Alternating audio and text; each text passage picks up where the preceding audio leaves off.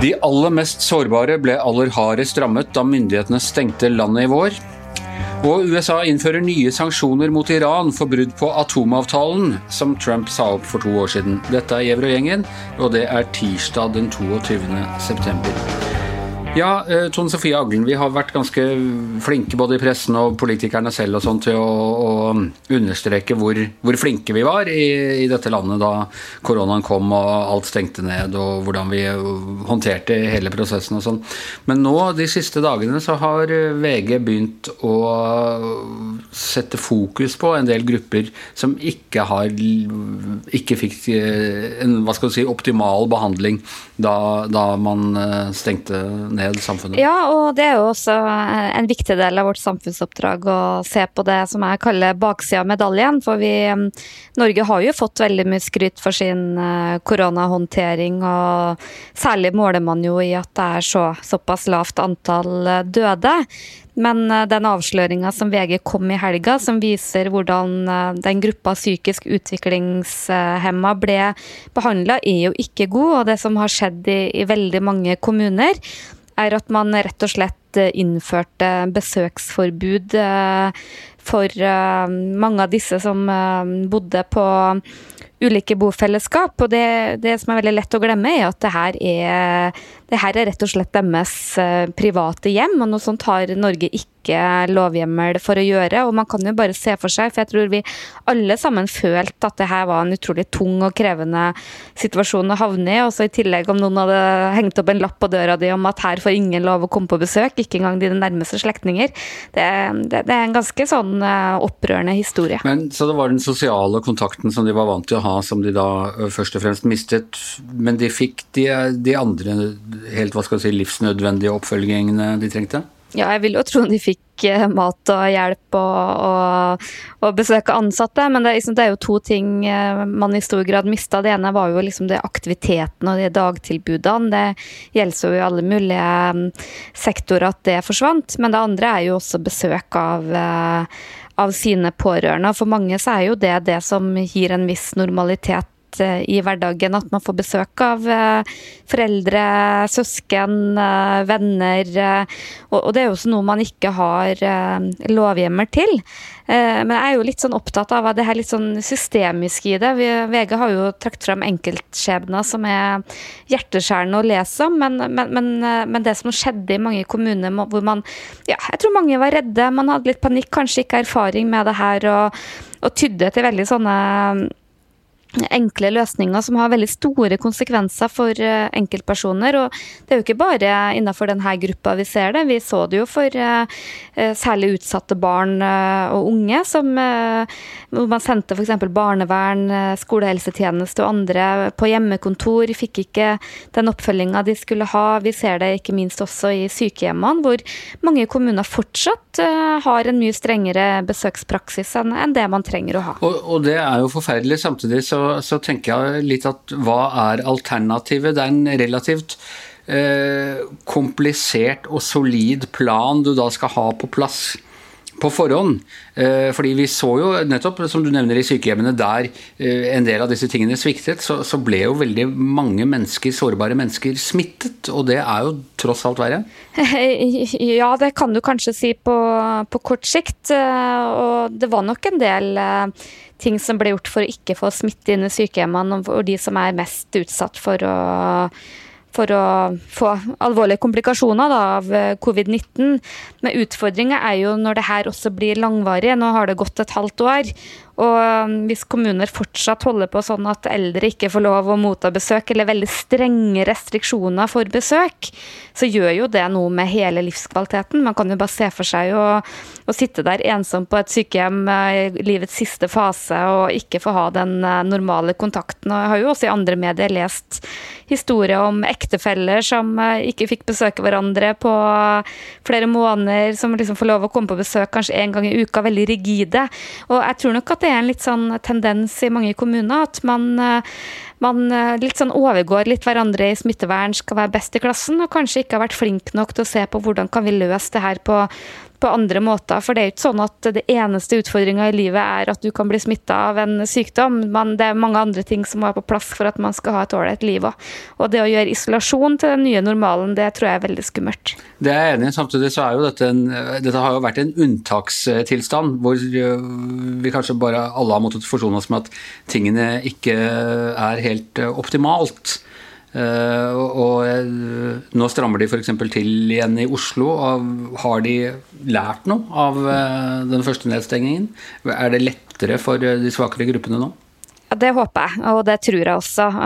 og det her er jo krevende for alle. ikke sant? Det er jo krevende for, uh, sånn, for, de, for de, aller fleste, tror jeg, å, å leve denne unntakstilstanden. Det er vel noen som liker det òg, men, uh, men, særlig for utsatte grupper så, så, tror jeg ikke vi skal bagatellisere at det liksom bare er å tenke at dette er en midlertidighet.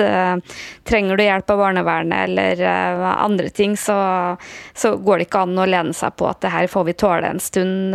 men jeg håper i hvert fall at Eh, at det har vært en øyeåpner. Og jeg tror det er utrolig viktig at mediene ser på alle sidene av koronahåndteringa, og ikke bare slår seg til ro med at Norge har vært eh, flinke. Tror du dette får noen politiske konsekvenser? Eh, vil opposisjonen f.eks. gripe tak i dette, her, eller er det en sånn borgerfred rundt mm, korona som gjør at man lar det ligge? Ja, Vi har jo sett at det har vært lite diskusjon om tiltakene, de forsøkene som har vært på å politisere det, har liksom falt veldig til steingrunn. og Det gjør nok at opposisjonen er litt sånn redd for å ta i det, også fordi de kanskje ikke har så veldig mange andre eh, svar sjøl. Og, og, de som jeg syns har vært de tydelige stemmene, har vært sånn type Barneombudet og, og, andre litt sånn her pasientombud og sånne syns jeg har vært modigere stemmer i, det, i, de debattene her. Men jeg håper liksom at man får en, en, skikkelig sånn evaluering av hva er det man ikke har klart, og hva er det som gjør at man eh, veldig mange kommuner istedenfor å se på hvordan skal vi klare å forene smittevern med f.eks. at folk har sosial kontakt, så har man liksom valgt den, liksom, den enkle, men også veldig dramatiske løsninga med å avskjære alt. Ok, takk skal du ha, Tone Sofie Aglen. Du skriver om dette også, kommer både på nett og eh, i papirav papiravisen for den som liker å betale for journalistikken uh, etter hvert. Det får vi håpe mange liker.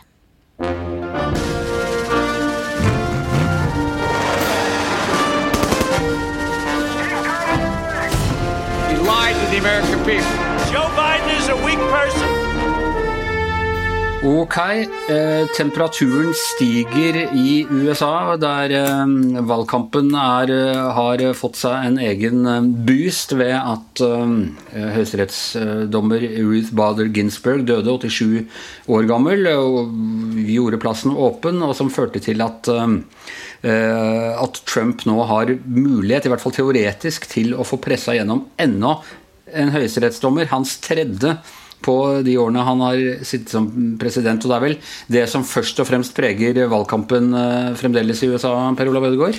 Ja, det er det i høy grad. Eh, vi venter jo da på at eh, Trump skal kunngjøre sitt valg, den han vil nominere. og det han skal nå møte disse kandidatene. Vi vet at det er en kvinne.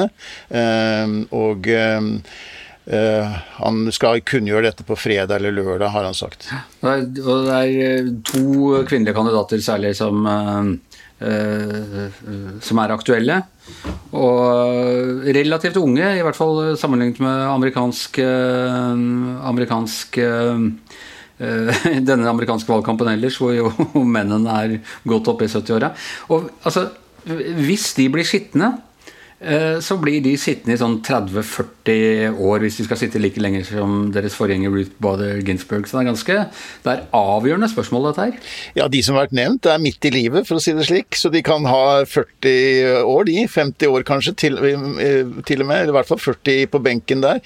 Eh, og de blir jo gjerne sittende til de dør. Uh, og uh, Så, så det, det, som det jo ligger an til, ettersom det kun nå er tre av de man regner som liberale høyesterettsdommere igjen da, i Høyesterett, så øh, vil det jo da i så fall sikre et klart flertall for konservative i kanskje tiår fremover.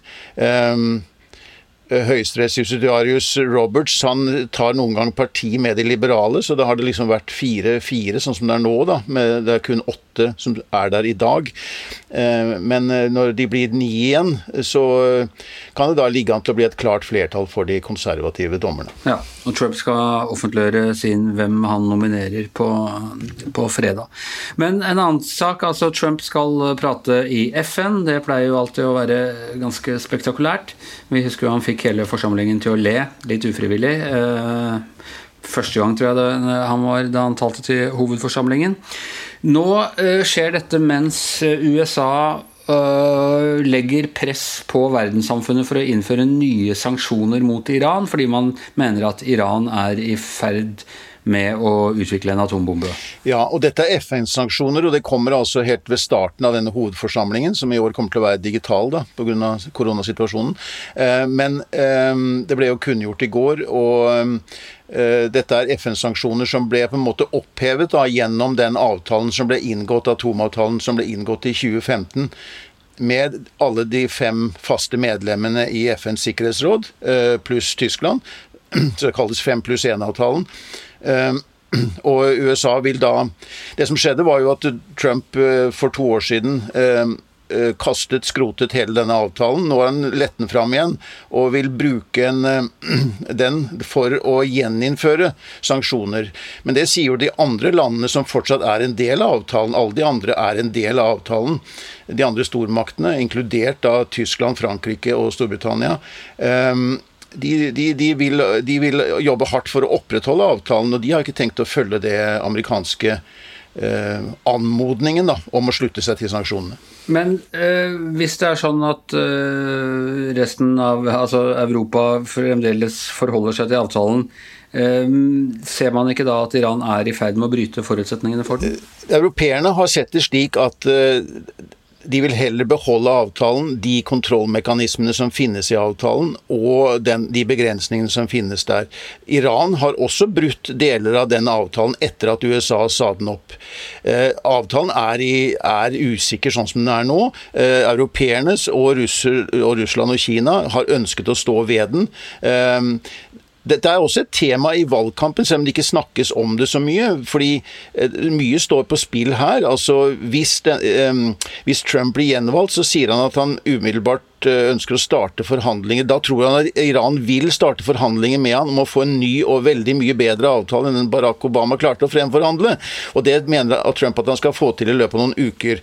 Eh, Joe Biden på sin side har sagt at han vil tilbake i avtalen. Han vil altså melde USA inn igjen i avtalen, men han ønsker også forhandlinger om Iran eh, for å gjøre avtalen bedre enn den var. Um, Iran sier foreløpig at de ikke har noe ønske om å, om å reforhandle noe av denne avtalen, de, men de avventer mer det der som skjer da 3.11. i USA.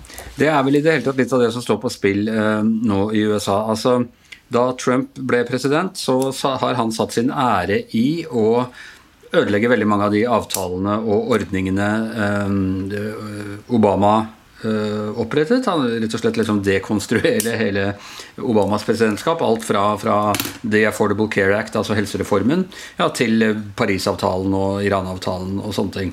Nå, eh, hvis Biden blir valgt, så vil han da eh, gjeninnføre eh, svært mange av disse avtalene. Altså liksom reparere eh, hva skal si, mure opp igjen hullene i muren som, som Trump har skapt.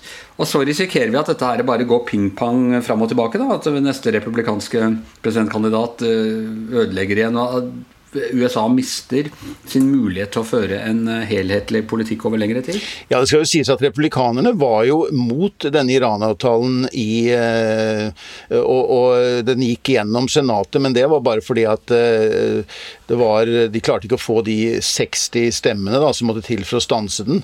Men men samtidig så må det jo sies at Trump er en annerledes president enn tidligere republikanske presidenter, på den måten at han har mm, angrepet og øh, utfordret så mye av det som har vært tradisjonell amerikansk utenrikspolitikk, både når det gjelder republikanske og demokratiske presidenter.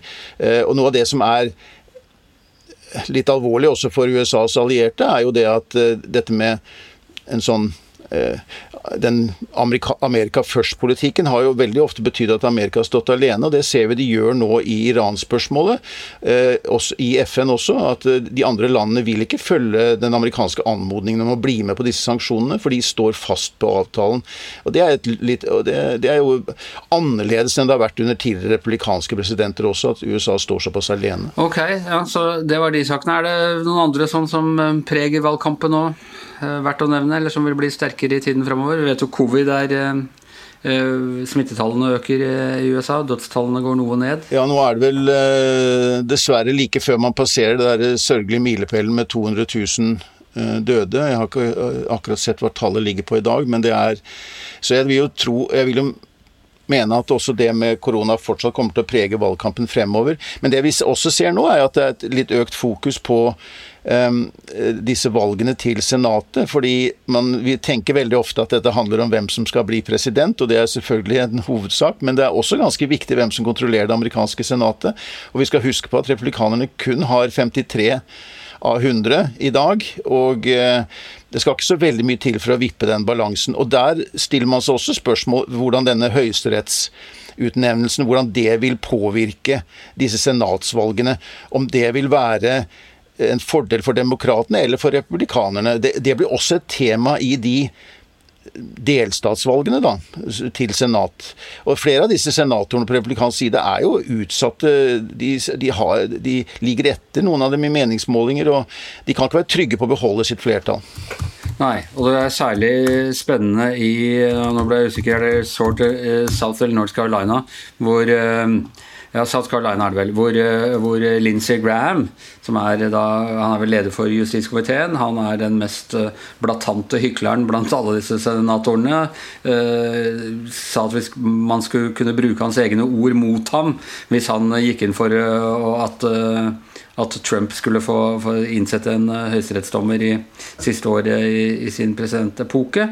Og han er i et veldig utsatt valg nå i South Carolina, som blir ekstra spennende å, å følge med der. Ja, Bare som et eksempel der, så har man jo sett at uh, hans demokratiske motkandidat har jo fått en voldsom uh, innsprøytning av kontanter for uh, Og det har du sett i andre også, at nå har det virkelig fått disse som gir penger til amerikansk valgkamp nå, har virkelig åpnet penge, lommeboka nå de siste dagene. Og det er nok på begge sider, fordi de ser at det er så mye som står på spill. Så